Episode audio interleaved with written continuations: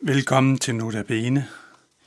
I dag forsøger vi at kigge med ind i, hvad den treenige Gud er af væsen og er for os. Og øh, i dag vil vi lytte til, hvad ånden er for os og som udsendt af Gud. Og hvad er mere belejligt, end at vi begynder med salmen, du som går ud fra den levende Gud.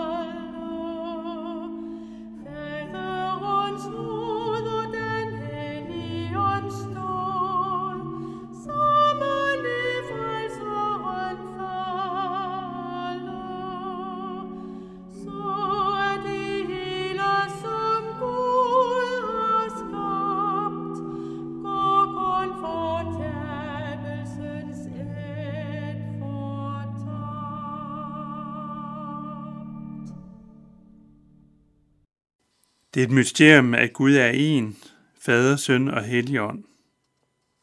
De foregående dage har vi hørt Jesus omtale sit liv hos os som sendt af Faderen. Hen imod slutningen af sit liv fortæller han sin disciple, at han skal vende tilbage til faderen efter fuld mission. Han bruger nogle udtryk, som evangelisten har fæstnet sig ved. Han siger blandt andet, om en kort tid, så ser jeg mig ikke længere. Er der om en kort tid, så skal jeg da se mig. Han siger, jeg går til faderen. Men samtidig med, at han altså taler om sin hjemvenden, så bebuder han, at han vil sende en anden i sit sted. Når talsmanden kommer, som jeg vil sende til jer fra faderen, sandhedens ånd, som udgår fra faderen, skal han vidne om mig. Vi har altså et mønster. Et mønster, hvor faderen sender sønnen, og herefter udsender sønnen ånden. Faderen sender sønnen, som er lyset, som oplyser os og giver vores liv mening. Men ved slutningen af sit menneskeliv slukkes dette lys helt, for i stedet at modtage alt mørke i vores hjerter. For at sønnen selv skal bære vores mørke i sit eget læme ned i døden. Det er den dræn i Guds kærlighed, hvor faderen giver sin søn til os, for at kunne kalde os tilbage til det liv i fællesskab med sig, som vi var bestemt til fra verdens skabelse. Da det var sket, så sender Jesus ånden. For at være vidne om søndens fuldendte mission. Mission accomplished, siger ånden til os. Faderen og sønnen udsender Helligånden. Helligånden skal ikke ved sin gerning gøre, hvad sønnen allerede har gjort, men vidne om, at Guds rige er midt i blandt os som et åndeligt rige, vi inviteres ind i for at leve der, indtil synden vender tilbage til vores jord. Han kalder alle Guds riges indbyggere tilbage til det genskabte og fornyede menneskeliv. Ånden vil altså gøre alt for at vise os, hvad Gud gør, for at vi, når vi ser, hvad Gud gør og hvad synden gør, skal gøre det samme og ønsker at gøre det samme. Som mennesker i Israel på Jesu tid levede i syndens tid, så lever vi i dag i åndens tid.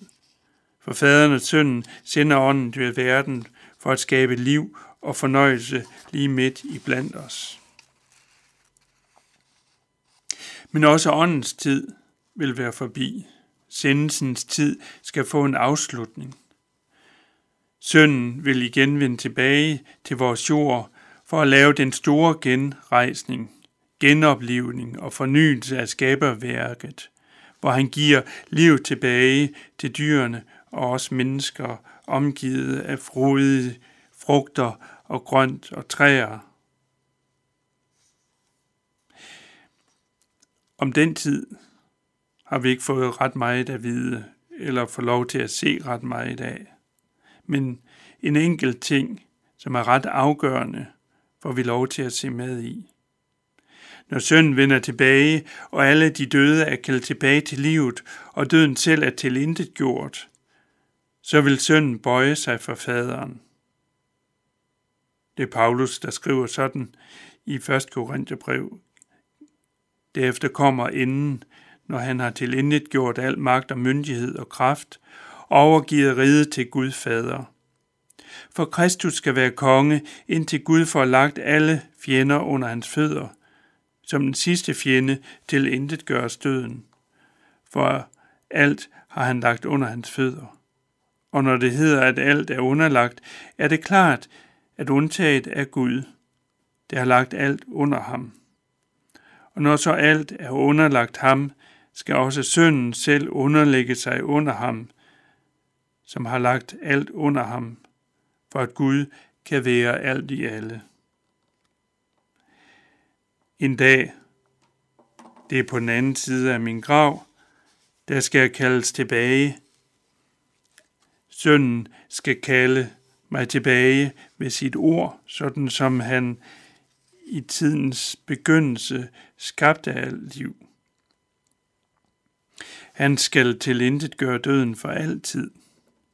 Og herefter skal han træde ind foran faderens trone, og så underlægge alt ved, at han siger, se far, nu er det folk, som tror mig og som hører til i mit rige, vendt tilbage, og så skal livet opstå med fest og glæde, og ondskaben skal være væk, og døden skal være væk, og endelig da er hans sendelse til ende. Den dag glæder jeg mig til. Ha' det godt.